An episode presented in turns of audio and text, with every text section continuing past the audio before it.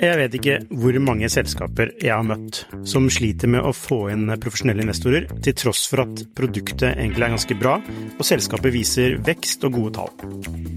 Hvis det er én ting de proffe investorene er på utkikk etter, i tillegg til at du bygger et bra selskap selvfølgelig, er hvordan du håndterer dine aksjonærer, eller ditt såkalte captable, som det heter på startupsk. Et ødelagt captable setter rett og slett en stopper for selskapsutvikling. Unlisted.ai gjør det mulig for selskaper å håndtere aksje- og opsjonsprogrammer, aksjeeierboken, captable og det meste av rettigheter inn mot aksjene i selskapet på ett sted. Prøv unlisted.ai sin gratulasjon i dag. Hei og velkommen til Skifters podkast. Ukens gjest er psykolog og førsteamanuensis ved Institutt for helsevitenskap ved NTNU.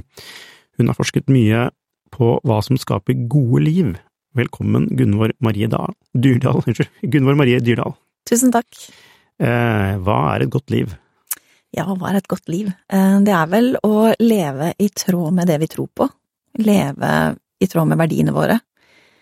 Det vi vet også, det er jo dette hverdagsgledebegrepet. Eh, de fem om dagen, så det å lære nye ting, relasjonene vi har, er viktig. Det å være oppmerksom og til stede. Det å kunne gi av tiden vår, og det å være fysisk aktiv. Så det er i hvert fall fem sånne enkle veier til hverdagsglede. Men vi har jo Lykke er jo på en måte to ting. Ja. Eller vi deler det ofte i, og det er jo dette det behagelige. Det gode, den gode middagen, eller den gode samtalen, eller det som bare føles godt. Mm. Så har vi det mer sånn strevsomme lykken, som, det, som det handler mer om hvordan vi skal bruke em, verdiene våre, eller bruke egenskapene vi har, da. Ja. Og det er mer Det krever kanskje litt, men Mm. det gir også en annen type til, tilfredshet eller, eller lykke, da. Hva, hva er et eksempel på det, da? Nei, er du veldig glad i å gå på ski, for eksempel? Gå i, gjennomføre en ekspedisjon, eller er du god i Eller er kreativitet viktig for deg? Det å være i en kreativ prosess, det kan jo være ganske frustrerende og ganske krevende, mm. men det gir en annen sånn til- tilfredshet og lykkefølelse enn bare det å ha det behagelig, leve etter eh, sex og god mat og bare gode ferier, liksom. Det er en annen type følelse det gir, da. Ja, det er, no, det er når du faktisk du, gjør noe aktivt, på en måte. Ja. Mens det andre er mer at du er kanskje mer passiv og Det er sånn full fokus på nytelse, kanskje. Ja, det er mye mer et nytelses... En ly- nytelseslykke. Den andre Ja. er mer den strevsomme lykken. Mm. Okay. Er det sånn at man må ha For å være lykkelig, så bør man ha begge deler? Det gir i hvert fall ulike dimensjoner, det gir ulike opplevelser. Mm. Så, og det vi ofte tenker også, sånn som i, i arbeidslivet, da. Hvis vi skal ha lykkelige medarbeidere, eller medarbeidere som trives, så holder det kanskje ikke bare med å ha fredagsvaflene. Det kan gi den behagslykken, eller det Mm. som føles godt, og tenke liksom, senke skuldrene, faren er over, her har vi det godt. Men vi trenger jo også å yte, vi trenger å brette opp armene og si at ja, men søren, vi vil jo noe mer. Mm. Hvordan skal jeg bruke meg selv for at vi skal nå målet vi i fellesskap vil, da? Så det er mer den derre, vi må brette opp armene og få til begge deler. Ja. Er det sånn du lever òg? Prøver, da! Ja. Det er jo litt strevsomt innimellom å være sånn, er jeg på, er jeg på rett spor? Mm. Er jeg liksom, kjenner jeg at jeg får energi av å gå på jobb, eller de oppgavene jeg holder på med? For det er jo også en ting vi vet med lykken, at når du gjør det strevsomme, når du lever i tråd med verdiene dine og virkelig får brukt styrkene dine Innenfor positiv psykologi så kaller vi det også karakterstyrker, som er knytta tett opp til verdiene dine. Så når du lever i tråd med det, så er det noe som gir energi, du får på en måte overskudd av det, mens hvis du jobber bare etter det du er i gåstegn flink til, så er det noe som trekker mer energi. Du kan være innmari flink til å holde oversikt og være systematisk, men hvis det ikke er så viktig for deg, Mm. eh, så kan du få det til mye, og du kan være flink til det, men det kan også gjøre deg utbrent og sliten. Ja. Så det er noe med å klare å navigere etter er dette noe som tapper meg for en energi, noe jeg må hente energi for å gjøre, eller er dette noe jeg kjenner at åh, jeg ville nesten gjort det gratis. Ja. Så der har du i hvert fall en sånn sjekk litt inn og kjenn er dette noe jeg bare har lyst til å gjøre mer av, Ja. eller er det noe som åh, det er litt den derre Fordi det er jo mange oppgaver som man, må bare, må, man bare må gjøre, Absolutt. være kjipe. Men er det sikkert at liksom 70-80% av det du gjør, bør være noe du elsker å gjøre? Du bør i hvert fall ha en overvekt av det. Det er vanskelig å sette akkurat en, en, en prosent på det, men det viktigste er å kjenne er dette noe du virkelig um, Hvor du får uttrykt deg selv noe som gir mening for deg. Mm. Og da er vi jo liksom inne på dette hvem er jeg, da? Eh, Hva er det jeg trives med? Hva er det jeg liker? Hvem er det jeg gjør hva for? Mm. Så Men det, det er jo nytt Altså, det er et nytt spørsmål igjen, da, ikke sant? mm. Hvordan finner man ut hvem man er, og hva man liker, og hvem man Altså, altså hvordan finner man ut av det? Det er i hvert fall viktig å stoppe opp litt og kjenne litt sånn innover, og være litt klar over ok, når er det kroppen min låser seg, for eksempel. Altså, hva, når er det jeg kjenner at dette er ikke, dette gjør jeg bare fordi at jeg må. Skulle jeg tatt noen andre valg, og det er jo ikke alltid så lett. Det vi også vet innenfor positiv psykologi, det er jo det at vi har en tendens, eller vi mennesker har en tendens til å tro at bare vi får til ABC, da blir vi lykkelige. Og, sånn at vi strever mye etter å få til ting. At vi har en destinasjon, på en måte. At vi, måte, hvis vi har fått til dette, Da kommer lykken. altså du har kommet til et sted, Ja. da kommer lykken. Da kommer lykken. Ja. Um, og så er det ikke alltid sånn, da. Er det noen gang sånn? Ja, jeg tenker at vi kan få en opplevelse av at åh, nå, hva- dette har jeg fått til! Mm. Åh, så deilig! Så det er den derre umiddelbare lykkefølelsen som vi kan få til når vi har klart å mestre noe, men den følelsen varer jo ikke, det er ikke det som gir deg den tilfredsheten, kanskje. Eh, Det er litt sånn, Jeg har jobba mye i familievernet også, og møtt mange par og mange. og det, Jeg husker noen ganger hvor jeg har hatt eh, foreldre inne som har sagt at ja, ja, men vi har jo gjort alt. Vi fikk utdanningen vår, vi tok den eh, Vi fant oss den partneren vi ville ha, vi fikk barna, vi fikk oss hus, vi fikk oss bil, vi fikk oss hund. Vi fikk jo alt som vi trodde vi skulle få for å bli lykkelige, og så sitter vi her nå, og så tenker vi ja, men var dette alt? Mm. Og da er det jo interessant å spørre, ja, har du da levd, har du da vært stopp, virkelig stoppet opp og kjent hva er det som gjør deg lykkelig, ser du, er du til stede i de øyeblikkene som faktisk utgjør livet, da? Hmm. Eller er du for opptatt av det der oppe og du, jeg skal bare, og så tror du at lykken kommer? Og det tror jeg nok vi har en, vi har en vei å gå i forhold til å tenke at um, det eneste vi vet er at vi har dette øyeblikket. Ja. Så gjør vi, liksom, bruker vi det godt nok? Ja. svaret på det er vel kanskje nei, sånn generelt sett. Ja, altså hjernen vår funker sånn at vi er, vi er mest i fortid og i framtid. Ja. Eh, Vi er mindre her og nå. Ja.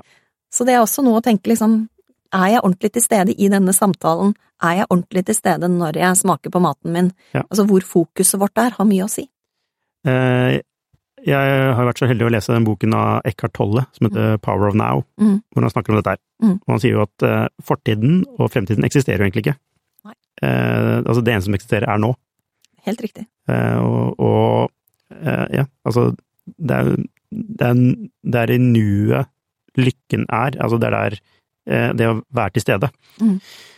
Um, hvorfor er det så vanskelig å Han sier også at liksom, alt stress er knyttet nettopp til at du tenker på ting du blir gjort i fortiden, eller du bekymrer deg for ting som kommer i fremtiden. Mm.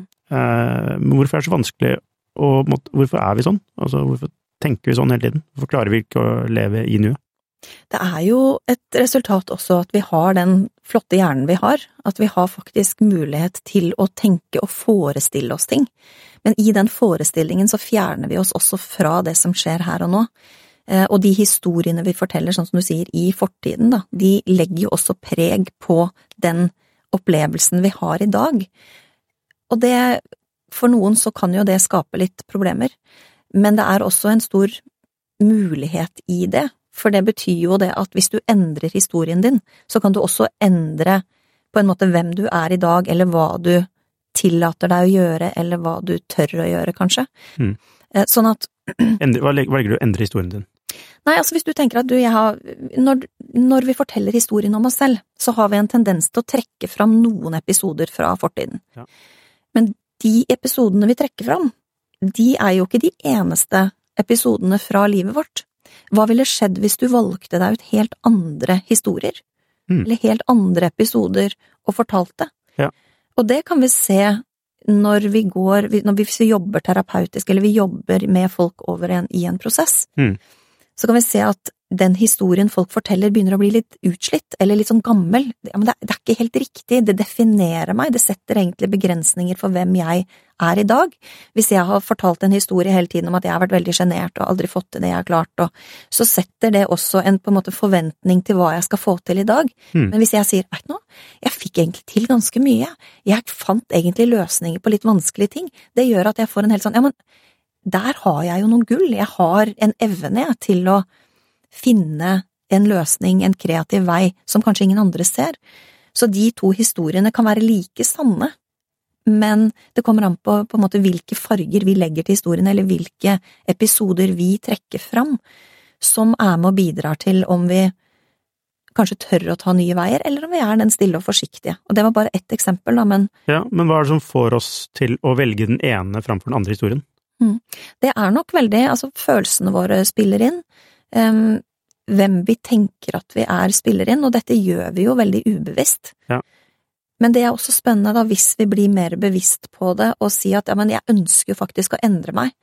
Det er mange som gjør det, men samtidig så er endring og utvikling, det er vondt.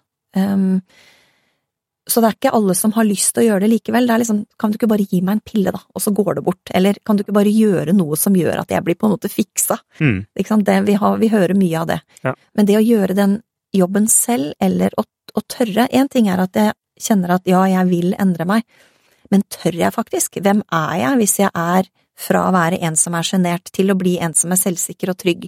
Ja. Hvordan kjennes det? Det er vel ukjent. Så det, det skjer jo automatisk ut ifra de hvordan vi tolker verden.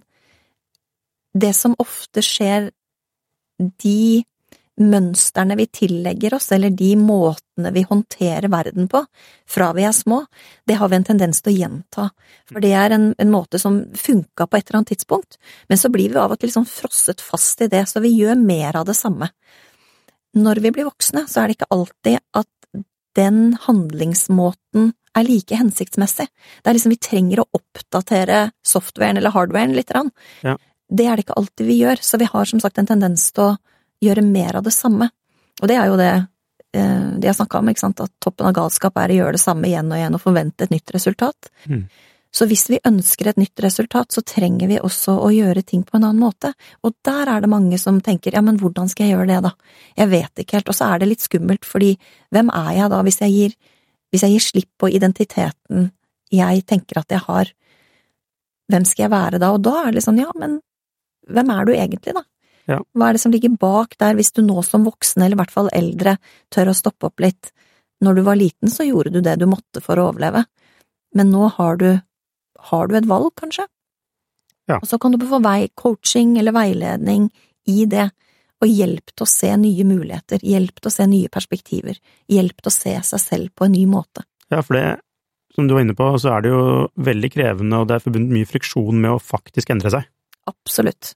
Læring og utvikling, det er vondt. Eh, Selv om mange sier at de er endringsvillige og de elsker å utvikle seg og så videre, så, Mm. så er det noe Altså, det er også en forskjell på om eh, måtte du selv velger å bli endret, eller å endre deg selv, eh, og noen andre velger at du må bli endret, Mm. som ofte skjer i arbeidslivet. Da. Det er nye oppgaver. Altså, det å få en endring tredd over seg, det er ikke noe Det, det er jo ikke nødvendigvis positivt.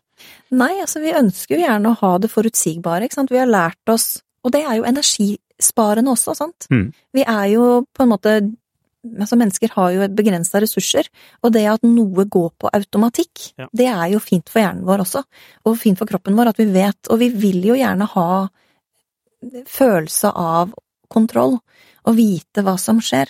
Det å faktisk innse at det er svært lite vi har kontroll over, det er ganske skremmende. Så derfor lager vi opp mange sånn hvis jeg bare gjør sånn, så kommer det til å skje, eller å ja, nå vet jeg jo hva som kommer til å skje, eller hvordan det fungerer her. Mm. Og så er det jo noe med det at vi, ved at rammene er klare og forutsigbare, så kan vi også Det er en frihet i det.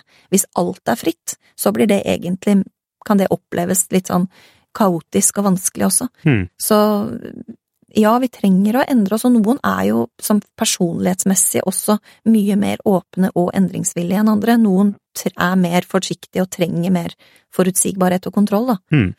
Så, så, så det, det, altså, begynner det med at man føler at man ikke Altså eh, lever i, altså, i tråd med Altså, man føler at noe er galt, og man vil endre seg og ha det bra. Altså, man ønsker egentlig bare å ha det bra. Mm. Eh, og da er første steg er jo på en måte finne ut av hvem du er, og hvilken historie er det du forteller om deg selv. Altså, hvem, hva er verdiene dine? Eh, hva er det du liker å gjøre, hva er du god på? Altså, alle de tingene, hva er det som gir deg energi? Mm. Um, er, det en sånn, altså, er det en sånn prosess at du måtte ja. Ja, det kan være det, og det er veldig gode spørsmål du stiller deg. Det første er vel å begynne å være litt nysgjerrig. Når du kjenner at ah, det er noe som ikke er helt riktig her, jeg har det ikke helt bra, eller jeg kjenner at jeg blir utbrent, eller begynne å stoppe opp litt, og istedenfor hele tiden å ja, men hva skal jeg gjøre, hvordan skal jeg fikse det, Mm. bruke et par min minutter ekstra, da, Mm. til å faktisk se ja, hva er det det handler om? Er dette noe jeg kjenner igjen? Havner jeg alltid her? Ok, betyr det at jeg trenger å gjøre noe annerledes? Og så er det sånn spørsmål om hva er det, hva er det disse symptomene, da, eller den, det ubehaget eller utbrentheten eller eh, det vi kjenner på, hva er det det egentlig er et uttrykk for? Mm. Og så kan du begynne å nøste litt derfra. Av og til så vet vi det innerst inne at ja, men jeg tok jo feil, den utdanningen, jeg tok jo det fordi at jeg skulle i hvert fall ikke gjøre det som foreldra mine gjorde, Mm. men egentlig så hadde jeg jo lyst til å gjøre det samme som dem. Um, men og det å da kunne klare å på en måte kaste inn håndkleet og si at vet du nå, jeg skal faktisk følge det som jeg kjenner at energien min sier, eller det jeg trenger, det personligheten min ønsker, eller det som jeg virkelig brenner for. Men det trenger ikke alltid å være så dramatisk heller. Det handler mer om å bli kjent med som du, de spørsmålene. Hva er det som Hvorfor havner jeg alltid her? Lever jeg Hvordan er livet mitt egentlig? Mm. Er det noe jeg savner, noe jeg ikke har fått nok av? Er jeg nok sosial, eller får jeg nok trening, eller reiser jeg så mye som jeg har lyst til? Og så er det ikke alltid vi kan si ja til det, du, det er bare å endre, og det er bare å fortsette å reise. Mm. Fordi det er, vi har en virkelighet også. Ja. Men bare det å bli klar over det gjør at vi kan begynne å ta valg som gjør at vi kanskje får mer av det vi trenger og ønsker oss, eller får lov å være oss sånn som vi er, og ikke sånn som folk har definert oss til å være. Ja, fordi det er vel altså ultimate friheten. Mm. At du faktisk selv har kontroll, eller prøver å ta kontroll over din egen skjebne, Mm. versus at, eh, at ditt liv blir til eh, i eh, som et resultat av eh, hva andre mener til enhver tid. Og vi klarer jo ikke å fri oss helt fra det, fordi vi vil jo forholde oss til sosiale regler, og vi vil jo på en måte høre til, når vi jobber et sted, så forholder vi oss til de tingene. Så betyr ikke at du kan gå og gjøre akkurat sånn som du vil, men jeg har jobba med ledere også, som for eksempel hvis de har hatt eh, ærlighet da, som en, som en verdi som er veldig viktig i livet, og så har de jobba med et produkt, for eksempel, eller jobbet med noe hvor de skal overbevise noen kunder, for eksempel, om et produkt som de selv ikke 100% kan stå inne for. For noen så er ikke det noe vanskelig, for de kan tenke at ja, men det er jo jobben min, og dette produktet er bra nok, jeg, jeg finner gode argumenter for hvorfor dette produktet bør kjøpes. Men for andre da, som har ærlighet som en veldig viktig styrke, eller ja, veldig viktig verdi, så kan det skape ubehag innvendig, fordi de står i den ja, men jeg skal si at dette produktet er kjempebra, og så er jeg bare enig 80% Jeg synes det er mye bra, men det er noe jeg ikke er helt fornøyd med. Og da kan det være noe som skaper den eh, gnisningen innvendig, da. Mm. Men i det de kan oppdage at å ja, men det er ikke så rart at jeg kjenner på det, fordi at ærlighet er så viktig for meg, da har de en, et valg. Og da blir det sånn å ja, det blir tydeligere da at enten så må jeg tenke at ja, men dette er en del av jobben min, og jeg gjør det fordi at det er rollen min akkurat nå, Mm. eller så kan de si at ja, men vet du noe, dette er faktisk en så viktig verdi for meg, dette er så ubehagelig for meg at jeg trenger å endre eh, jobbtittelen min, eller kanskje få andre typer oppgaver, eller til syvende og sist kanskje ha en annen type jobb. Men da må man jo først stoppe opp og kjenne hva er det som, hvorfor, hva er det ved dette jeg ikke setter pris på, eller hva er det som skaper dette ubehaget for meg, da? Mm.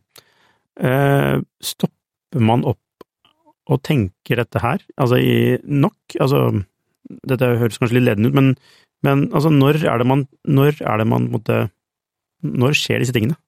Altså, vi er jo veldig gode til å kjøre på, Ja. ikke sant? Vi Mm. har en sterk vilje, og vi tenker vi, vi skal bare, Ja. ikke sant? Så ofte så er det jo, kommer det jo til et punkt hvor vi får en smell.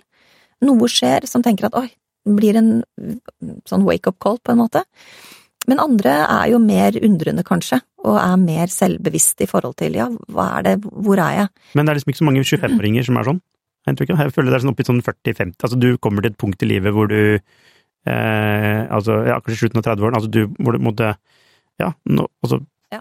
du ikke er ung og lovende lenger, på en måte, altså, eh, men hvor du på en måte ikke kan bare gjøre hva du vil, men du må, nå må du faktisk Altså, ja, hva- det du har gjort har på en måte definert deg, da, Ja. på en måte. Det blir et sånt punkt i livet hvor du faktisk, når du kommer halvveis, Mm. så har du på en måte, du er halvveis ferdig, men du har eh, like mye fram som tilbake, og da blir jo kanskje et sånt punkt hvor du stopper opp og ser, ja, skal jeg fortsette med det jeg har gjort fram til nå, eller skal jeg gjøre korrigeringer? Men det er som du sier, de unge har kanskje en annen eller ikke kanskje, det, det er et annet mindset der, men samtidig så tror jeg kanskje det er en større bevissthet blant unge i dag også, at de er mer bevisste på hva er det jeg vil, og at de kanskje krever mer også. Mm. Så det er jo viktig da, hva er det de trenger for å ha det bra, da? Og kanskje enda flinkere til å si at ja, men jeg trenger utvikling, jeg trenger nye utfordringer, jeg vil ha endring, eller at det er litt annet mindset òg, men jeg tror alltid vi har, vi har noe å hente på å stoppe opp og stille de spørsmålene. Ofte så endrer vi nesten før vi vet hva utfordringen er. Mm. Vi er såpass endringsvillige hele tiden, men det å stoppe opp og virkelig forstå ja, hva er det egentlig som er problemet her, og hvor er det vi vil, at vi tar oss ekstra tid til det, det tror jeg vi kan tjene mye på. Ja. Og det, altså dette er jo, det du svarer på nå er jo inntil denne spørsmålet, hva er lykke, hva er, det, hva er det som skaper det gode liv, som du Mm. egentlig har brukt mye, mye tid av din eh, altså, arbeidstid på å finne ut av. Mm. Um, og er det sånn at man, altså for å bli en, en god, kall det medarbeider, da, eller en god leder, Mm. så må du egentlig ha den, så bør du i bånn være litt mer tryggere på hvem du er og hva du ønsker. Det er jo alltid fint det som leder, i hvert fall hvis du skal lede andre, det å kunne stå stødig i seg selv, det er jo en, eh, på en måte en, ikke nødvendigvis en forutsetning, men det gir et annet utgangspunkt. Så det å gå i de prosessene og finne ut ja, hvem er jeg som leder, hva er mine preferanser, eller hva er min personlighet, hvordan skal jeg se andre, lete etter styrkene til andre, eh, det er eh, en god forutsetning, så det er derfor vi også snakker om dette med bevisst ledelse, Mm. bevisst lederskap, det som også kommer, som du har, eller som er mer av nå, da, dette med indre bærekraft og, og starte vi må starte med oss selv hvis vi ønsker endring der ute, vi kan ikke alltid peke fingeren ut. Nei. Og da er det jo også viktig å vite hva er det vi skal endre, eller hvordan skal vi, hvordan skal jeg se, hvis det, hvis det er en leder, da, hvordan skal jeg se medarbeiderne mine, ikke bare hva de ikke får til, men hva er potensialene deres? Og det tenker jeg, der har vi også en, et stort uh, rom til å virkelig se hele medarbeideren, ikke bare de oppgavene nødvendigvis, men har vi riktig person på riktig sted? Mm. Hvordan å ha, er det noen av medarbeiderne her som har noe gull som jeg ikke har sett enda? Mm. Hvordan kan vi få ut det i teamet, sånn at teamet som helhet kan gjøre den beste mulige jobben, for eksempel? Ja, du nevnte altså, bevisst lederskap. Hva er det? Ja, det er jo starte med oss selv. Jeg tenker at eh, å være mer bevisst på hvem er jeg, hvordan virker jeg på andre, hva er det jeg er god på, når er det jeg trenger å være ekstra på vakt for, eller ikke på vakt, men ekstra bevisst, da, fordi at her har jeg noen eh, blinde flekker. Dette pleier, har jeg en tendens til å overse. Jeg er mer, for eksempel, jeg er mer opptatt av det strategiske og det overordnede, sånn at jeg kan gå glipp av detaljene. Jeg trenger å være ekstra fokusert på detaljene, for eksempel, eller Mm. motsatt. Jeg har en tendens til å grave meg ned i detaljene, og da mister jeg blikket. Så det å vite det om seg selv, det kan også hjelpe deg i lederjobben du gjør. Ja, Og fordi, altså, hvis du skal Altså, er det på en måte tanken at hvis du vet Du må, altså, du må vite dette om deg selv for å begynne å se Begynne å finne styrken hos andre. Du må ikke vite det om deg selv, men det er jo en fordel å kjenne seg selv såpass godt at du, at du har et, et godt barometer på hvordan virker jeg som leder. Ja. Får, jeg, får jeg fram det beste i medarbeiderne mine, eller er det noe ved måten jeg gjør ting på som gjør at medarbeiderne mine ikke presterer sånn som de kan, eller får ut, at jeg får ut det beste hos de? Ja. Så hva gjør en eh, såkalt bevisst leder, da, i interaksjonen med medarbeiderne? Hvordan, hvordan opptrer en bevisst leder? det kan være på så mange måter, men jeg tenker at eh, det å lytte til medarbeiderne og kanskje se, se hele dem. Um, men det gjør jo ledere også, så det er vanskelig å si at en bevisst leder gjør sånn. Det handler mm. mer om eh, mindsettet til den lederen, altså hvor godt kjenner den seg selv. Ja, så, så bevisst leder handler om egentlig å være bevisst med seg selv, primært, ikke andre. Altså, men, men, hvis du er det med deg selv, så du, har du lettere for å kanskje connecte med andre. Ja, jeg tror det starter mye med oss selv, da. Er vi bevisst hvordan vi selv, hva som foregår i vårt eget liv? Hvordan har jeg det nå? Hvis jeg vet at ok, vet du, nå står jeg i en veldig krevende situasjon, det gjør at jeg kanskje ikke har like god evne til å se medarbeiderne mine. Det å kanskje sette ord på det. Ja. Vet dere nå, akkurat nå så skjer det mye på privaten som gjør at det, det påvirker kanskje lederskapet mitt. Um, eller hvis man mister en forelder, for eksempel. Man trenger ikke nødvendigvis å si så mye om akkurat hva det er, men det å bare vite, det å fortelle folk at dette foregår hos meg nå, uh, det gjør at jeg kanskje oppfører meg på denne måten, eller kanskje har disse um, blindspotsene akkurat nå, da. Mm, altså det er jo en vel, det, det, er en sånn transparens du snakker om der, da, uh, og eh, den strider jo litt med med, altså strider jo litt med det tradisjonelle ledersynet, altså det hierarkiske ledersynet. Jeg vet, vet du om Sier forskningen noe om altså, dette her? Altså det, dette med altså, altså, egentlig være sårbar da, som leder mm. for medarbeidere. Om det har noen effekt eller ikke? Altså vi en, Alle mm. folk i en bedrift er jo mennesker, og det vi det som vi trenger, er jo dette å vite hvor folk er. Når ting blir forståelig, så er det lettere for oss å, å tåle. Ja. Um, sånn at ved å Men igjen, det kommer an på hva slags kultur man er i. Altså, mm. bedrifter er veldig forskjellige. I noen kulturer så um, er det en mer hierarkisk oppbygning, men det vi vet nå fra forskningen også, det er jo at en psykologisk trygghet som et begrep um, det at det er rom for å si fra hva man mener, det at man vet at man blir tatt på alvor, uh, at det er en, en trygghet i i gruppa, at det er viktig også. Mm. Det vil si at vi tør også å si at veit du, jeg gjorde feil, eller dette fikk jeg ikke til, men det gjør jo at vi også kan lære av det, istedenfor at det blir børsta under teppet, og at vi ikke tør å på en måte eie det, da. Mm. Så, så, vi vet at det å være sårbar, eller det å være åpen, det å ha en psykologisk trygghet, har positiv effekt. Mm. Okay, vi snakket litt om dette med lykke, og, mm. og det er egentlig å hvis jeg skal oppsummere det, så er det egentlig å handle i tråd med sine verdier. Ja, det er den, den strevsomme lykken, den ja, daimoniske lykken. Ja, og så er det det nytelsesøyeblikket, da, ja. eh, også, som på en måte eh, um, Altså, jeg tenker det nytelsesøyeblikket, den, den, Du kan legge til rette for at det skjer, men du kan ikke garantere at det skjer. Mm. Du kan bestille tur til Hellas eh, og sette deg på en strand og håpe på at du skal nyte det, men så nyter du ikke, du er stressa med mm. andre Altså, skjønner du? Altså, den, den, er litt mer sånn mm. flyktig, altså den er ikke Mens den andre er jo faktisk noe som du kan i mye større grad lykkes med, hvis du ønsker det. Altså, hvis du liker å eh, eh, gå på ski, så går du på ski. Mm. Altså, hvis du liker å lage pizza, som jeg gjør, mm. så lager jeg pizza. Ja. Um, uh, så det er noe med den derre Den ene er du liksom ikke garantert å lykkes med, men den kommer plutselig. Uh, den andre er mer sånn mm. dette, dette, Fordi det handler om prosessen, det handler, om, det handler ikke om et resultat. Mm. Ja, og samtidig da, så tenker jeg du sier noe som er ganske viktig der, og det er jo for eksempel hvis når du lager pizza, hvor er oppmerksomheten din da? Er du i det at du lager pizza, er det det som får fokus, eller er du opptatt av alt det som skjedde i går, eller de tankene om fortiden, ikke sant, eller åh, jeg gleder meg bare til å spise den, så det å kjenne deigen og liksom luktene i det du legger på av toppings og sånn, hvis, det, hvis, du går glipp av det, så går du jo også glipp av mye av øyeblikket, for det vi vet også, det er jo at det er jo akkurat her og nå mm. som lykken oppstår. Ja. Så det at du når den toppen du har planlagt i mange måneder, hvis du da tenker på alt som gikk gærent på veien opp, eller hvor slitsomt det var, eller neste tur, så går du jo også glipp av dette øyeblikket. Så der er vi jo Og det tenker jeg både når det gjelder ledelse, det gjelder å være i seg selv, å være bevisst på at eh, faktisk så viser forskningen at 47% av tiden så har vi tankene våre, oppmerksomheten vår, et annet sted enn på det vi holder på med. Ja. Det er nesten halvparten av tiden så er vi ikke til stede her og nå.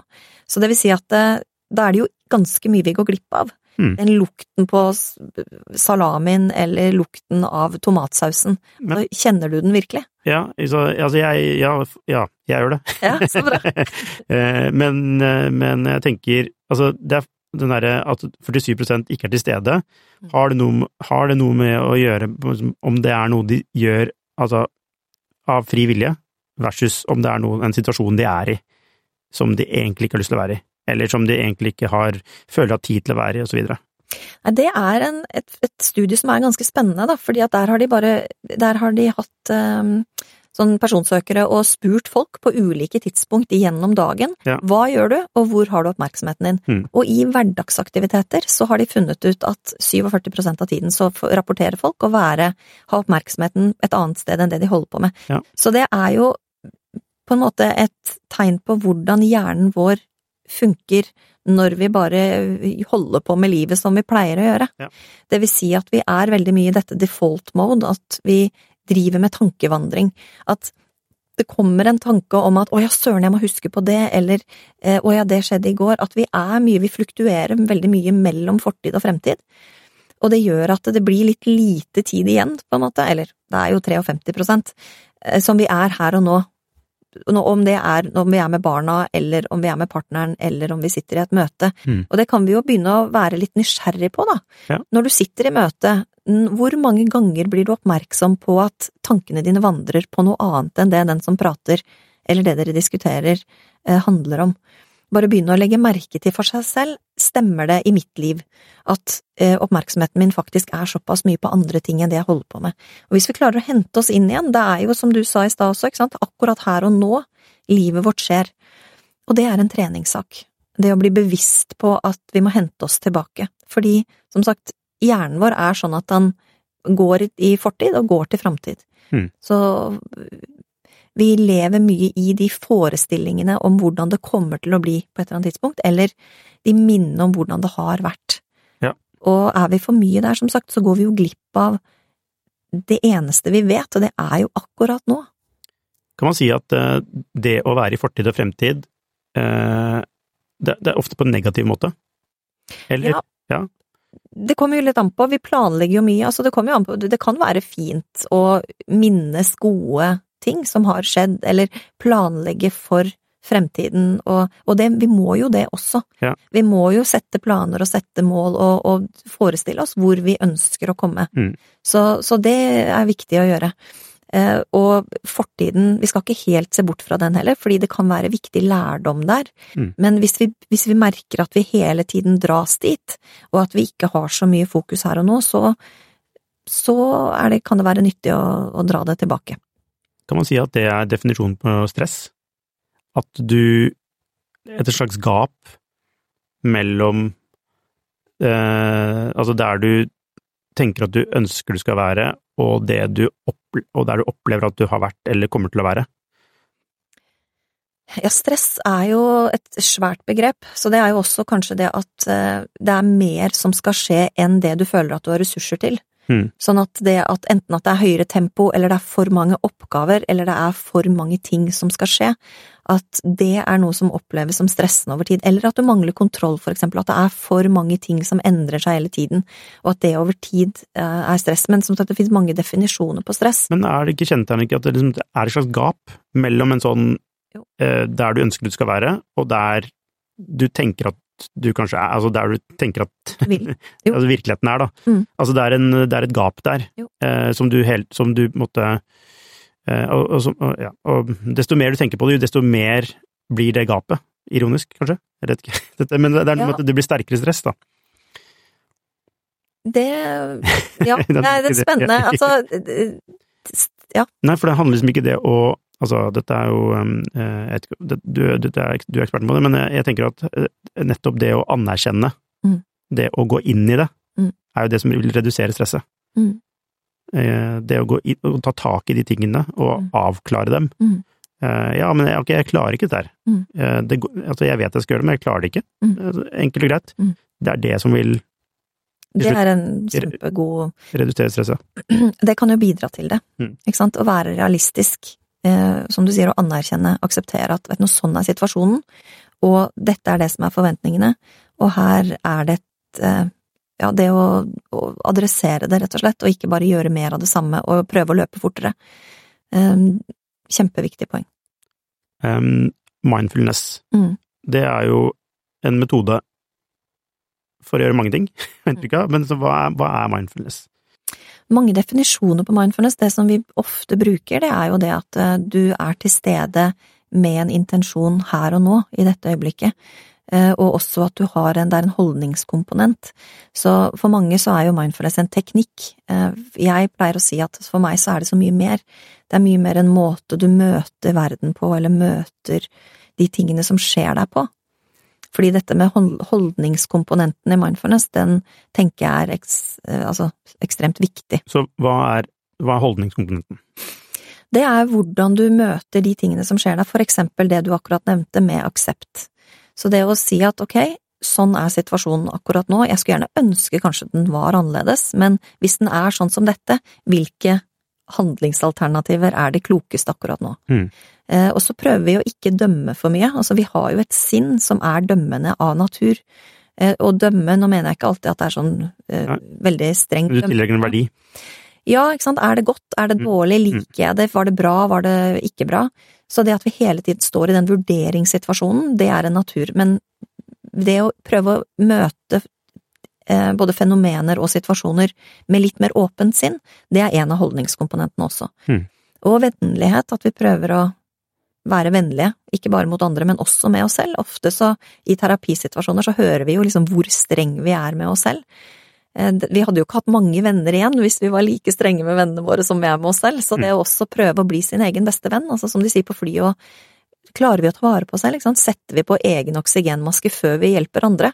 Ofte så gjør vi jo ikke det, så vi løper liksom rundt, og så har vi ikke så mye igjen til oss selv, så det å prøve å bli litt vennligere med oss selv og si at ja, er ikke rart at dette var litt krevende, fordi det var en krevende situasjon, det Mm. er ikke rart du kjenner på det. Og så er det dette å ikke strebe etter noe, og det er jo interessant, fordi vi kommer jo til mindfulness av en grunn. Vi ønsker å praktisere fordi vi ønsker å oppnå noe, og samtidig så er på en måte premisset at ikke ønsk deg noe, eller ikke strev etter å få til noe, for når vi gjør det, så kommer vi hele tiden inn i dette får jeg det til, var det bra nok, Mm. Em, og da mister vi det. På en måte, da. Det er litt sånn som med lykken, sant, at lykken kommer som et resultat av at vi gjør ting som er meningsfulle, og de tingene vi ønsker oss med mindfulness, for eksempel det å oppleve mer tilstedeværelse, eller å oppleve en økt ro, det får vi ikke ved at vi ønsker oss en mer tilstedeværelse eller en ro, det kommer av at vi trener sinnet vårt, at vi jobber med fokus. Mm. Um, og så er det dette med aksept, da, ja, å akseptere ting hvordan det er, Mm. Uh, og så er det tålmodighet. Ja. Fordi at sinnet vårt er som en liten valp. Den snuser i krokene, og den løper, sant? sånn som jeg sa, fortid og framtid hele tiden. Jeg vet ikke hvor mange selskaper jeg har møtt som sliter med å få inn profesjonelle investorer, til tross for at produktet egentlig er ganske bra, og selskapet viser vekst og gode tall. Hvis det er én ting de proffe investorene er på utkikk etter, i tillegg til at du bygger et bra selskap selvfølgelig, er hvordan du håndterer dine aksjonærer, eller ditt såkalte cap table, som det heter på startupsk. Et ødelagt captable setter rett og slett en stopper for selskapsutvikling. Unlisted.ai gjør det mulig for selskaper å håndtere aksje- og opsjonsprogrammer, aksjeeierboken, captable og det meste av rettigheter inn mot aksjene i selskapet på ett sted. Prøv unlisted.ai sin gratisversjon i dag. Så det å hente sinnet tilbake, hente fokus tilbake, ja, men nå skal jeg gjøre ferdig denne oppgaven først. Eh, Nå skal jeg skrive denne mailen, ikke tenke på hva jeg skal til middag etterpå, eller hva den kollegaen sa til meg i stad, men eh, jobbe med å få fokus ferdig, så hente seg tilbake igjen og igjen, og da må vi være litt tålmodige. Mm. Med oss selv også. Så det er i hvert fall noen, det fins flere også sånne grunnholdninger, men dette er noe av den kvaliteten vi møter virkeligheten med, da, eller situasjonen med. Så altså Hvordan praktiserer man da mindfulness? Altså, har man en sånn sjekkliste? Eh, ok, jeg, jeg aksepterer problemet. Eh, jeg er snill med meg selv. Jeg, eller eller hvordan, hvordan gjør man det i praksis? Vi prøver vel å jobbe med holdningene, og nysgjerrighet, eller nybegynnersinn, som vi kaller det også, det er jo også en viktig ting, sånn at når vi møter en situasjon, da, eller la oss si at vi får en mail fra en kunde som er misfornøyd, så er det noe med å og Første reaksjonen er kanskje 'å, hva er dette', eller 'å nei, har jeg gjort noe galt', eller 'nei, Mm. den kunden er skikkelig urimelig'. Så det å Si at der kommer vi ofte inn i en sånn automatikk, og vi lager mye, vi spinner mye eh, historier, og vi får kanskje en sånn ryggmargsrefleks om at å, nå skal jeg bare skynde meg å skrive tilbake, eller nei, den der gidder jeg ikke å se på. Men det å ta det opp og være litt sånn, ja, hva er det egentlig som skriver, skrives her? Er, er det en sånn fight, flight or freeze-situasjon?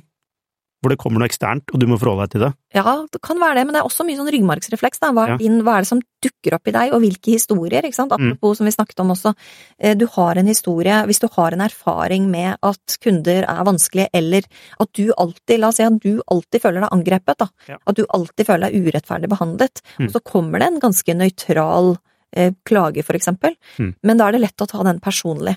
Så det å prøve å se objektivt sett, ok, hva er det dette handler om egentlig, og i, ved å på en måte telle til ti, eller være bevisst at nå kjenner jeg at jeg blir irritert, eller nå kjenner jeg at jeg blir stressa, eller nå kjenner jeg at jeg blir engstelig, så trenger du kanskje ikke å handle umiddelbart. Det å gi seg selv litt tid, og bli, bli klar over at dette skjer med meg, skal jeg svare nå, eller skal jeg vente til i morgen, skal jeg snakke med en kollega først, ta, også gi seg selv det, den tiden til å gjøre en bedre vurdering, mm. enn å handle på automatikk. Ja, tålmodighet. Er det tålmodighet? Det kan være tålmodighet, men tålmodighet også med at shit, nå ble jeg stressa igjen, eller åh, nå følte jeg meg angrepet igjen.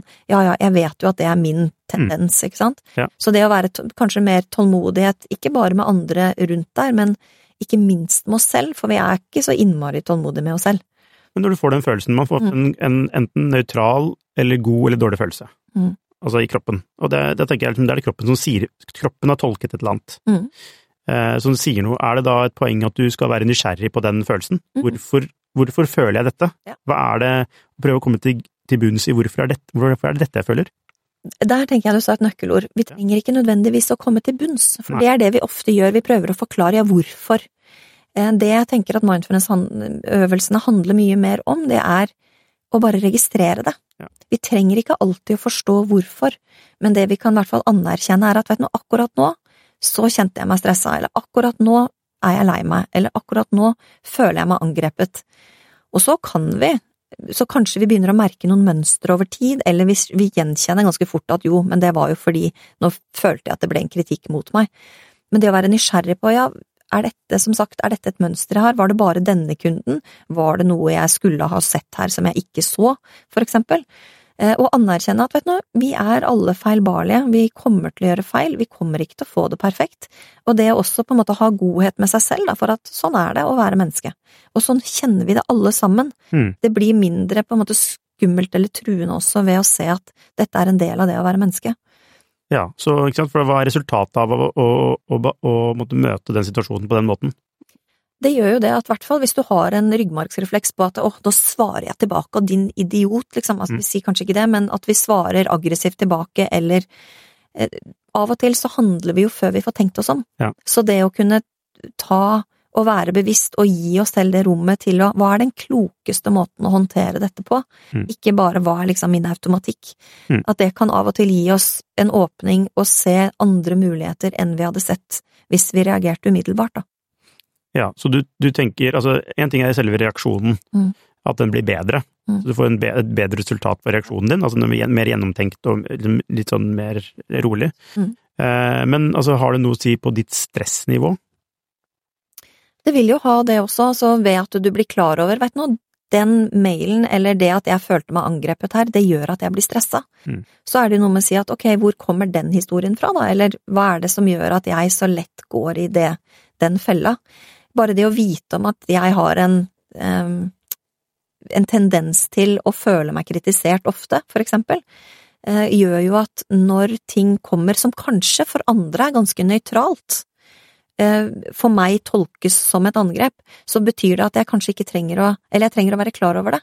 Mm. Sånn at det er ikke sikkert at det er helt riktig at alt det jeg tolker som angrep, faktisk er et angrep. Så det å kunne se det litt mer nøytralt, det å kunne gjøre det upersonlig, det handler ikke om meg, ofte det, mye av det vi møter der ute, det handler jo ikke egentlig om oss, det handler om at eh, det handler mer om det som skjer i den andre, og det Mm. som dukker opp i meg nå. Altså det, det handler jo om mine ting. Den, den mailen jeg får um, som kanskje er nøytral, men som for meg leses som et angrep, det handler jo ikke om den andre personen, det handler om at det handler kanskje om mitt, min fortolkning, da. Uten tvil. Eh, så er det jo altså en eventuell altså, reaksjon, altså stressreaksjon etc. Mm. er jo noe du selv skaper. Ja. Hvis, du, hvis ikke du hadde skjønt hva som sto altså Hvis den mailen var på kinesisk, sant? og, og du ikke hadde skjønt det, Ja. så hadde ikke du fått den reaksjonen. Så det er jo, en, det er jo noe du skaper i deg selv. Ja. Basert på hvordan du velger å reagere, da. Ja, og stresset der er jo litt sånn som vi snakket om i stad også, eh, den forskjellen mellom hvilke ressurser du føler at du har, hva, hva du får til, Mm. og hva situasjonen krever. For eksempel, det vi vet er at veldig mange mennesker syns det er skummelt å stå foran eh, et publikum og prate. Noen elsker jo det. Så for noen får beskjed om at du, kan ikke du holde innledningsforedraget, det er 200 mennesker i salen. Noen vil si yes, det vil jeg. Endelig får jeg stå på scenen. Mm. Men de aller, aller fleste vil si «Åh, nei, det vet jeg ikke om jeg tør. Ikke sant? Men det er ikke det at det å stå på scenen i seg selv er en stressende situasjon. Det er bare en situasjon. Ja.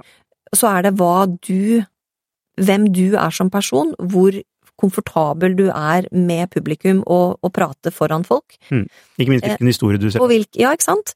Det er det som avgjør om den rent objektive situasjonen oppleves som en stressende situasjon, eller en sånn yes, Mm. kult Ja.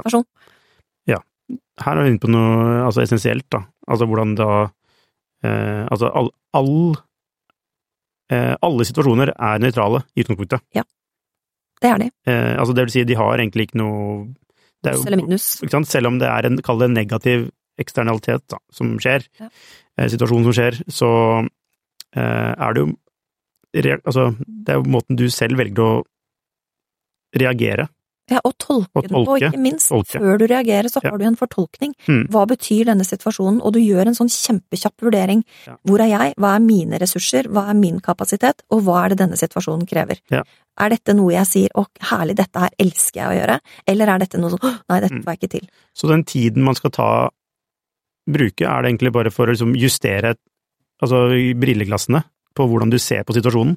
Ja, og jeg tenker at det, i hvert fall sånn som i forhold til mindfulness-treningen, så gjør vi ikke egentlig det. Det vi trener oss på, det er å bli oppmerksom på hva er det denne situasjonen er. Litt mer objektivt. Ja. Vi prøver å møte situasjonene med en objektivitet, og ikke ta alt personlig. Og hva skjer i det rommet når du plutselig kan se en situasjon for en situasjon, Ja. og ikke som noe som har med meg å gjøre nødvendigvis, da noe som blir personidentifisert. Mm. For det er ofte det som skjer også, ikke sant, at mye av det som skaper trøbbel for oss, eh, det er jo det at eh, ting blir personlige. Ja. Den lidelsen vi får er jo fordi at vi ofte vil at ting skal være på en spesiell måte, og så er de på en annen måte. Og den ja. forskjellen Gapet. Ja, ikke sant? Mm. Eller eh, jeg får ikke det jeg vil ha.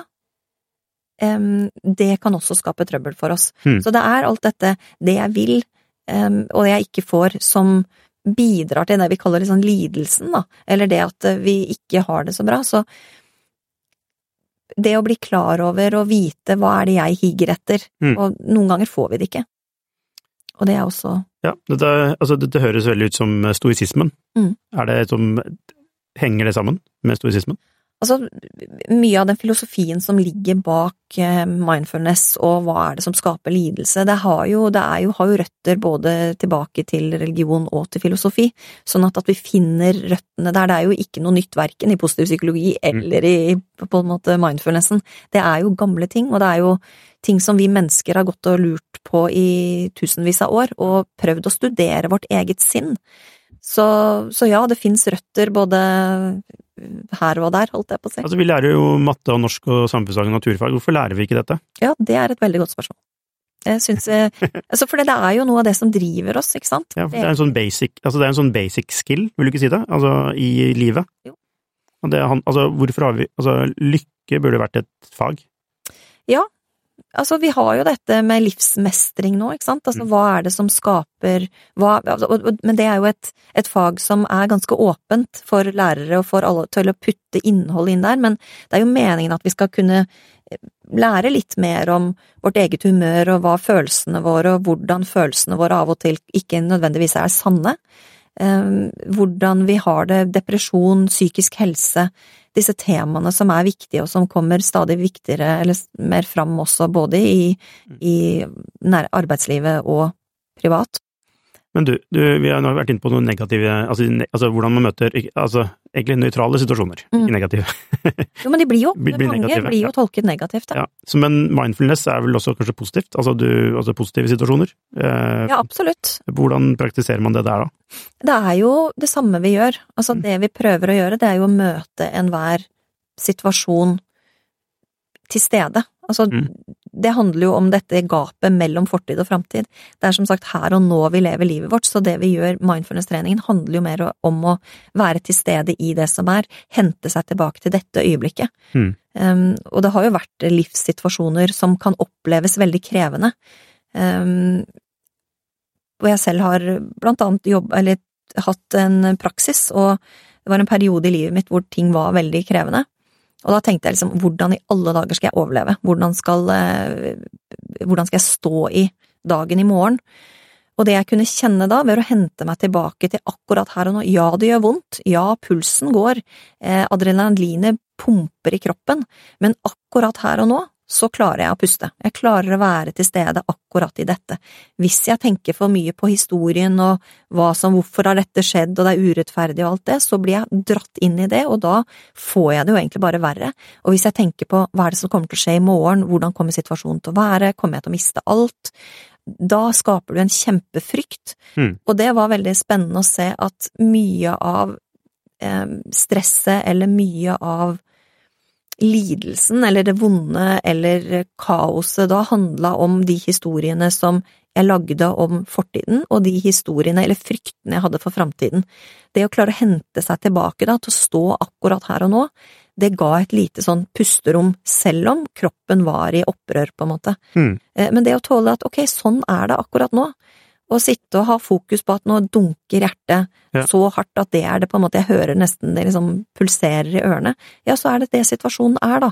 Men idet jeg ønsker at den skulle vært annerledes, da skaper jeg egentlig mer trøbbel for meg selv. Ja, så hvordan gjør du det da i praksis? Altså i situasjonen hvor, Mm. hvor alt eh, ja, eh, skjer, hva, hva gjør du konkret? Nei, da er det å være denne valpetreneren, da. Mm. Som hver gang jeg legger merke til at ok, nå er jeg på historiene om i morgen, Mm. hente meg tilbake, ok, men akkurat nå, da er det lett å ha Det vi ofte gjør, det er å ha et sånn fysisk anker som oppmerksomheten kan hentes tilbake til, og pusten er jo noe som alltid er med oss. Ja. Så det som er, kan være fint, er å kjenne pusten i kroppen, for eksempel kjenne at du puster ned i magen, at Ja. magen beveger seg. Ikke tanken om pusten, men faktisk den fysiske pusten i kroppen. Men handler det om å frigjøre seg fra tanker? Er det det det handler om? Altså generelt sett, at du får tankene dine på noe som er helt nøytralt, og som ikke Altså at du ikke tenker på noe, men du tenker kun på pusten? Ja, og vi tenker ikke heller. Vi prøver å le oppleve og erfare det. Mm. Um, så idet du merker at ok, nå tenker jeg på pusten, så er det i seg selv en tanke. Ja, nettopp. se at ok, nå skal jeg prøve å kjenne pusten, og virkelig være til stede i sansene våre. Ja. Faktisk, ok, nå kjenner jeg at det er vondt i kroppen. Jeg trenger ikke å vurdere om det er godt eller dårlig, Nei. men jeg legger merke til at det er til stede akkurat nå. Mm. Og det er det vi jobber med i mindfulness-treningen også, det er å ikke nødvendigvis vurdere er det bra eller dårlig, men bare legge merke til at ok, nå, er, nå strammer det seg litt i skulderen, eller nå kjenner jeg at eh, pulsen øker, eller nå kjenner jeg en liten sånn klump i magen. Mm. Og det å da være nysgjerrig på at å ja, den klumpen i magen, den er et signal for meg på at jeg kanskje gruer meg, eller eh, nå kjenner jeg den skulderen, nå har jeg sittet altfor Ja, lenge men skal, du- skal du tenke så langt? Eller skal du bare tenke at du kjenner den, smerten i skulderen? Eller kjenner Altså ja, tanken kommer kanskje ikke, men det er mer den der registreringen av at oi, nå kjenner jeg det. Mm. Så selvfølgelig så blir det en tanke, men å være ikke hefte seg altfor mye med innholdet i Mm. tanken, hvis det gir mening, Ja. men bare se at ok, nå kom det en tanke om at eller nå kjente jeg at det var en, en spenning, eller nå kjente jeg pulsen, Mm. Og så slippe den å vente tilbake til pusten hele tiden. Ja. Det som er spennende når man har trent over tid, det er jo det at for eksempel hvis du ser at ok, mange av tankene mine handler om i morgen, eller mange av tankene mine handler om fortid, Mm. da er jo det en sånn, i hvert fall noe man kan ta med seg og, og lure på, er dette noe jeg trenger å ta på alvor? Kanskje jeg trenger å sette av litt tid og faktisk få planlagt for den framtiden, fordi her er det hver gang jeg setter meg ned og skal fokusere eller trene oppmerksomheten min, trene mindfulness, så kommer det tanker om, om uh, framtid. Så kanskje det er et tegn på at eh, her har jeg ikke brukt nok tid til å faktisk eh, få det ut av systemet, eller Mm. den fortiden. Ja. Så, så da Ja, hvis det gir mening at vi, vi, vi prøver egentlig å bli mer bevisst på det som skjer i øyeblikket. Ja, Og det man Altså, det det høres ut som at du, du, du, du, trekk, du observerer dine egne tanker. Ja. Altså, du, altså, du er ikke Du er ikke Altså, tanken du, Det er ikke et likhetstegn mellom deg og tankene dine. Det er helt riktig. Eh, For tankene dine lever på en måte Sitt eget altså, liv. Altså, deres eget liv, ja. Så det er egentlig det å ta og være seg bevisst det, og, og, og, og som en sportskommentator bare Ja. Se Det er et veldig godt bilde. eh, på Ja. Mm. Mm. Og det samme med følelsene våre. Altså, følelsene oppstår, tankene våre oppstår av seg selv. Vi får ikke styrt tankene, Altså, vi får ikke kontrollert eller stoppet tankene våre, Nei. vi får ikke stoppet følelsene våre. Nei. Det vi kan gjøre noe med, det er hvordan vi reagerer på de tankene og de følelsene som kommer. Ja. Så det å si at ok, der kom det en tanke, men igjen, en tanke trenger ikke å være personlig, vi gjør den ofte personlig, og da blir det et, en utfordring. Men å se at ok, der kom det en tanke om A, B eller C, hva vet Mm. jeg. Eh, og, og legge merke til det, men å gi slipp på den og si at komme tilbake, fordi sinnet vårt, det er i aktivitet hele tiden. Når vi setter oss ned og praktiserer, ofte så sitter vi, du, de fleste har sikkert sett hvordan det ser ut og har mange tanker om det, men det er egentlig ganske hard jobbing. Det vi prøver å gjøre er å hente oppmerksomheten tilbake, og gjerne som sagt i pusten. Du, fortell deg, hva, hvordan ser det ut? Nei, altså du kan jo egentlig praktisere hvor som helst, ofte særlig i starten når du begynner å praktisere, så er det mer denne formelle praksisen, og det å sitte, for eksempel, i hvert fall hvis du jobber med, med pusten som et anker, Ja. eh, og jobbe med å holde oppmerksomheten i bevegelsen av pusten i kroppen. Mm. Eh, og hver gang du da får en tanke som kommer, og legger merke til at å ja, nå er, er, nå er tanken min der, men hente seg tilbake igjen og igjen. Pusten? Og når du tenker Altså, skal, men du skal ikke tenke på pusten, du skal kjenne på pusten. Kjenne pusten. Hva er forskjellen på, tenke, hva er forskjellen på å tenke på pusten og kjenne pusten? Er, altså jeg liker jo å ha dette som et eksperiment, et Ja. laboratorie, så jeg tenker det er en veldig spennende utforsking. Altså, test ut for deg selv. Ja. Og det er det jeg pleier å si til mine studenter også, ikke tro på noe av det jeg sier, men test ut og se om det gir mening for deg. Mm. For alt dette er egentlig hypoteser. Ja. Men sjekk for deg selv, er det en forskjell på å kjenne pusten, eller å tenke på pusten? Mm. Tankene, som sagt, sinnet vårt er jo ikke, liker jo egentlig ikke å være i ro, så vi vil ha denne der default-moden hele tiden hvor tankene går fra det ene til det andre, og det er en kreativ prosess. Ja. Så vi skal tillate oss å være der også, men når vi praktiserer, så prøver vi å ha fokus i, i kroppen på ett sted, sånn at vi klarer å vi begynner ofte med en sånn fokusert oppmerksomhet for å klare å hente oppmerksomheten vår tilbake.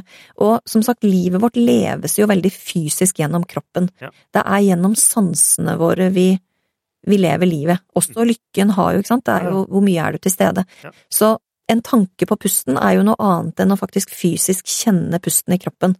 Og kroppen vår gir oss jo ganske mye informasjon hvis vi Kjenner etter. kjenner etter. Så helt konkret, bare sånn. Mm. Man lukker øynene, og så begynner man å puste. Du trenger ikke det heller, du kan bare ligge, altså sett deg, på en måte sett deg litt bevisst opp, gjerne med fotstålen i gulvet, bare sånn at du virkelig kjenner at du har Ja. bena til stede. Hvis vi gjør det nå, da. Kan du sette deg med bena så godt du kan, og bare kjenne hvordan du sitter på stolen, Mm. kjenne ryggen. Legg merke til bare hvordan du har hendene dine, og du trenger ikke å lukke øynene, enten så kan du bare finne et sted Jeg lukker øynene med en gang, jeg. Ja, ikke sant? Jeg forventa at jeg skulle gjøre det. Ja. Okay, ja. Og det er ingenting du skal gjøre. Nei. Dette er alt er invitasjoner, Mm. ikke sant? Um, det er ikke så strengt. Så du kan eh, bare se foran deg på La blikket hvile. Um, eller du kan lukke øynene hvis det, hvis det føles ok, fordi for mange så hjelper jo det å lukke øynene en til å kjenne innover, eller ha fokus innover. Og så er invitasjonen egentlig bare å legge merke til hvordan pusten går i kroppen. Og du trenger ikke å puste på en spesiell måte, men legg merke til kanskje om du kjenner pusten mest ned i magen, eller om du kan kjenne det rundt lungene. For noen så er pusten tydeligst rundt neseborene, Mm. idet du kjenner pusten inn. Og så er det egentlig bare invitasjonen å kjenne hvert innpust og hvert utpust. Mm. Og det klarer vi kanskje ett pust, og det går også an å telle, faktisk på ett, altså telle én på innpust, og én på utpust, og så to på neste. Og se hvor mange du kan telle til før oppmerksomheten plutselig Å ja, nå dreiv jeg og tenkte på middagen, eller det møtet jeg skal ha etterpå, eller Ja. Og så hente seg tilbake hver gang er også det tålmodigheten. Det er alt. Ok, og, men det, det er jo veldig vanskelig. Altså, Det er veldig vanskelig. eh, hvor, hvor lenge skal man gjøre dette her? Kommer an på hva formålet ditt er, men det å kunne, i hvert fall i starten, sette av fem minutter, kanskje, eller ti minutter til å praktisere, hvis du er veldig Altså mye, mye av de kursene vi har, de åtte ukers MBSR-kursene, der er det jo opp til 40 minutters eh, trening hver dag. Ja. Det mange opplever, jeg vet ikke om det er noe forskning på det, det som jeg syns er litt interessant, er at mange som har litt mer av den langvarige eh, treningen, de, mange sier at de, sånn, de første 20 minuttene føles ganske godt, det føles ganske behagelig. Um, du kan finne en ro, det tar litt tid, det er akkurat som altså kroppen har et turtall. Ja. Så for å liksom, den bremselengden vi har, den er gjerne mer enn et par minutter hvis du virkelig skal kjenne at åh, nå kjente jeg at jeg kom på plass i meg selv.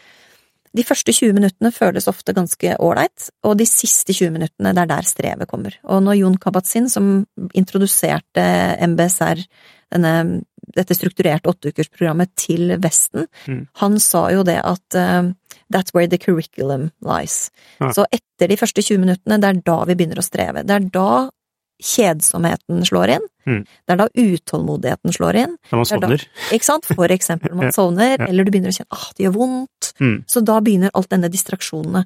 Og det å da bare være med det og se at hm, hva skjer hvis jeg fortsetter å sitte, hvis jeg, hvis jeg går forbi de 40 minuttene, eller De 20 minuttene. de 20 minuttene. Ja.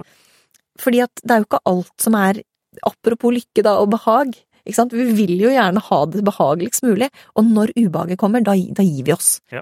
Men hva skjer? Hvordan møter jeg kjedsomhet? Mm. Hvordan møter jeg utålmodighet? Ja. Og særlig i dag, da, hvor det er så lett å ta opp telefonen, eller altså, vi distraherer oss selv hele tiden, Mm. og i den, i den praksisen der hvor vi legger bort distraksjonene, da er det det spennende skjer.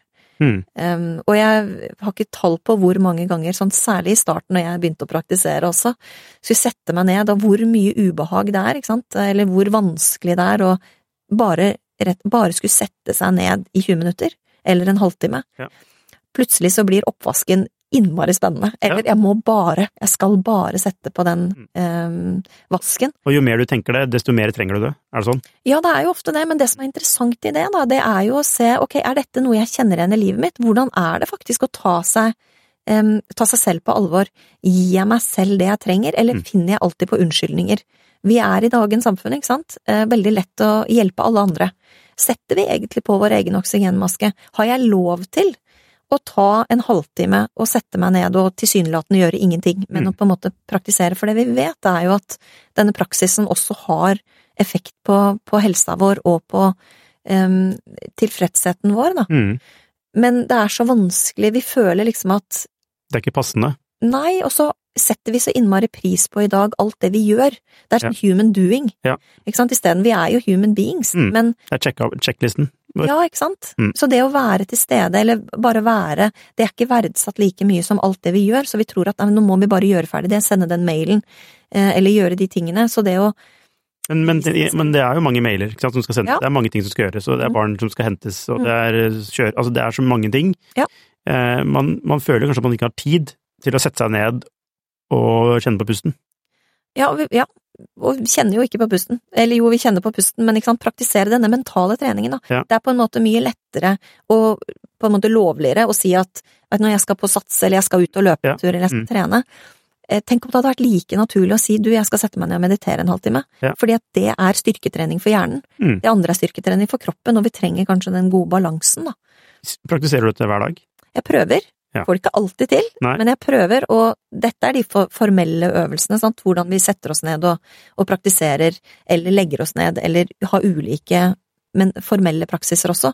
Men det vi ønsker, det er jo å ha flere øyeblikk gjennom en dag hvor vi er til stede. Ja. Så alle disse formelle tingene, det å ta seg eh, Altså, hente seg inn før et møte, for eksempel, eller idet du henter en kaffe, Mm. virkelig kjenne at ok, nå er jeg til stede, nå lukter jeg kaffen, nå Ja. smaker jeg kaffen, og ha det som sånne påminnere om å ok, sjekke inn, Mm. hvor er jeg nå? Så, så altså én ting er i selve prakten, den formelle praktiseringen, Ja. så trekker du, tilba så trekker du på en måte fokuset tilbake til pusten.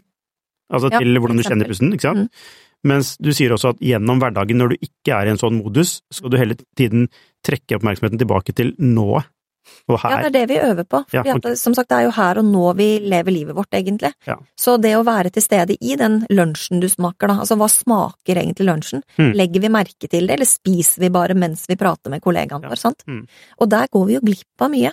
Når vi er på en fantastisk restaurant, da er det så svært at det på en måte fanger oppmerksomheten vår. Mm. Da er vi virkelig til stede i sansene. Mm. Men tenk på alle de måltidene vi spiser uten at vi egentlig smaker det. Ja. Hva ville skjedd hvis vi på en måte smakte maten? Kanskje hadde vi valgt andre ting? Blir man lykkeligere av det? Ja. Om- Altså, det er jo Tenker du på det når du smaker Altså, hvis du spiser en eh, is, Mm. Tenker du mm, så, så godt, eller altså Jeg prøver i hvert fall Ja. å være til stede i å smake at jeg smaker, ikke bare spise den opp Mm. og kjenne oi, den ble jo borte, uten at jeg egentlig la merke til at jeg spiste den. Ja. Så jeg prøver å være bevisst på det, og det er umulig å tenke at du er til stede i alt du gjør hele tiden. Ja.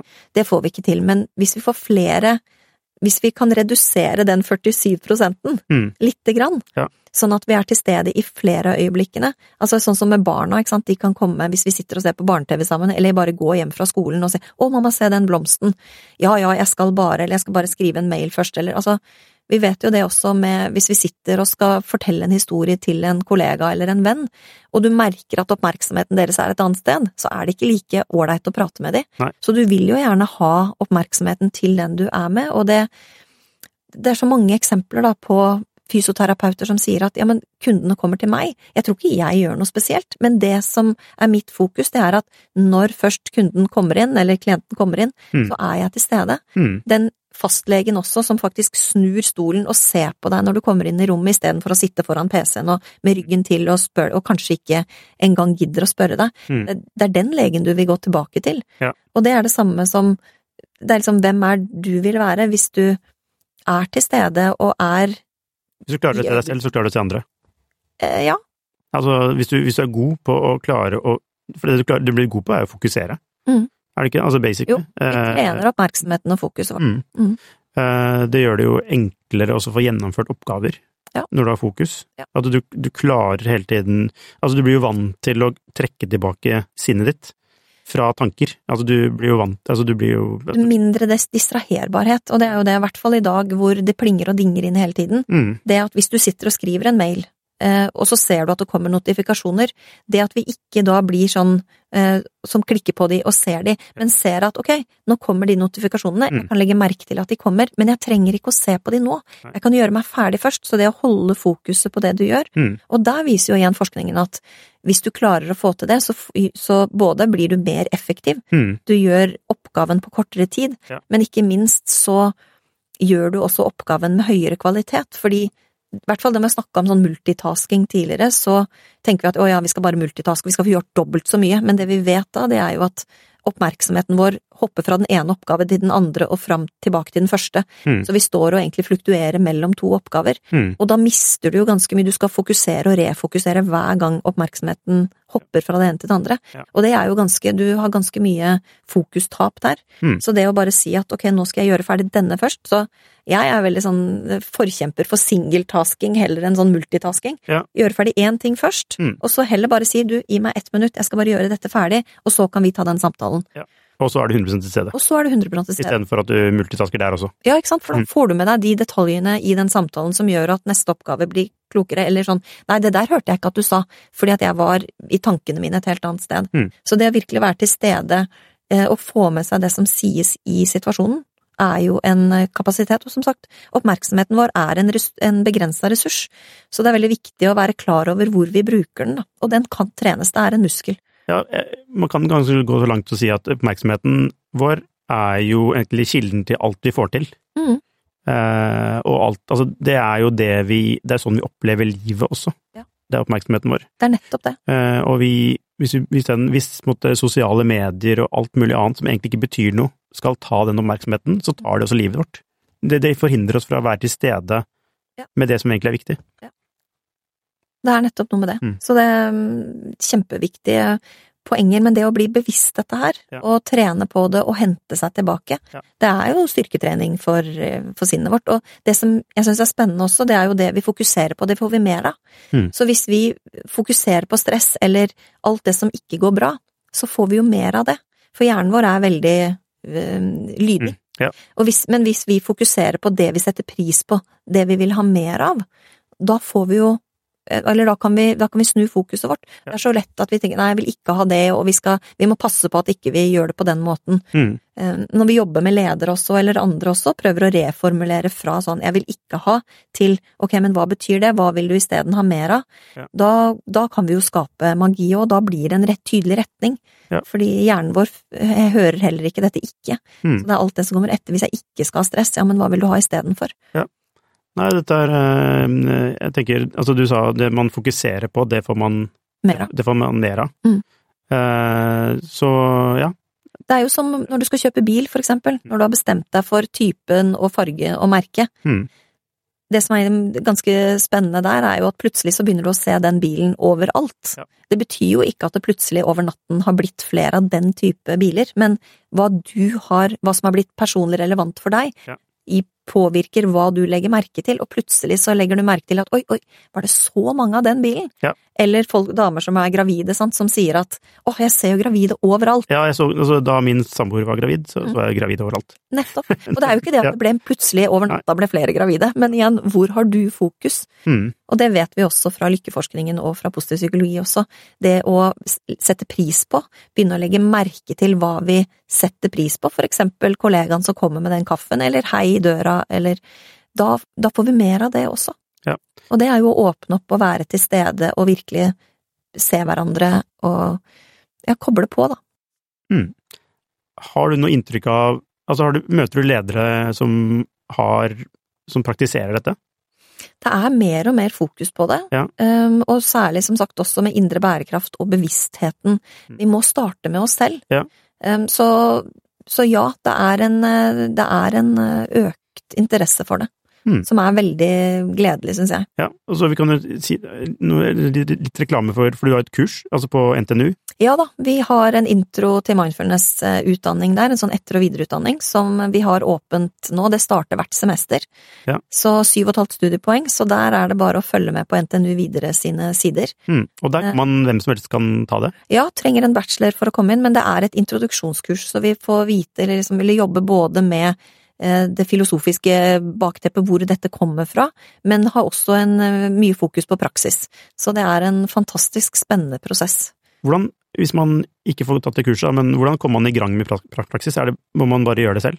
Altså, eller eller finnes det noen grupper, eller finnes det noe Ja, altså det, det som kan være lurt, det er jo å ta et kurs, for eksempel. Det kommer litt an på, det finnes jo veldig mange fine apper om dagen også. Ja. Men uh, min opplevelse er i hvert fall at når jeg har holdt kurs, jeg har sånne åtte ukers eh, mindfulness-kurs, det er at uh, flere deltakere har kommet på kurs og sagt at ja, ja, jeg har lest masse bøker, jeg har prøvd å Mm. praktisere selv, men litt uti kurset så kommer det ofte noen sånne å, er det egentlig dette vi skal gjøre? Mm. For det å ha en lærer eller ha en veileder som kan stille spørsmål, eller som kan hjelpe deg til å forstå eh, hva vi jobber med, det kan åpne opp noen eh, Altså åpne det litt, fordi jeg tenker at mye av den litteraturen vi leser, den kan misforstås litt. Altså, det kan oppleves som om vi blir veldig selvopptatt, og du skal være veldig sånn navlebeskuende, men selve praksisen i seg selv er egentlig det motsatte. Den åpner oss egentlig for mer av det som skjer der ute, fordi vi blir klar over det, de tingene som foregår i oss selv, og da trenger vi ikke å være så eller da er vi kobla på litt mer automatisk, sånn at vi har mer ressurser til å være der ute i, i virkeligheten og i de situasjonene som skjer, da. Ja. Vi må avslutte, og bare helt til slutt, hvis du skal gi noen råd eller tips til de som er nysgjerrige på dette på hvordan de skal altså, komme i gang, hva vil, hva vil du si da? Test ut, ta kontakt med meg, med andre som driver med det, men det, det første er jo å begynne å være nysgjerrig.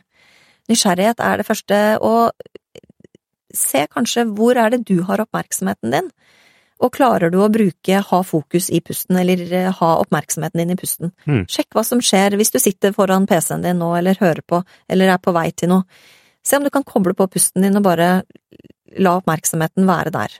Du, bare en ting, ting. for jeg har jo selv meditert litt innimellom. Eh, Jeg gikk på sånt eh, eh, transcendental meditasjonskurs, Ja. eh, og så mediterte jeg en periode, ganske lenge faktisk, Mm. to års tid. Eh, Men da er det sånn mantra, da, man skal si Ja. for seg selv, Ja. hele tiden. Eh, så altså hvis, man, hvis altså tankene forsvinner til noe annet, så skal man tilbake til dette mantraet. Mm. Hva er forskjellen på det og mindfulness? TM, mantrameditasjon, det er jo noe av det samme. Du holder, du trener på å holde fokus på én ting, altså da mantra du kommer tilbake til.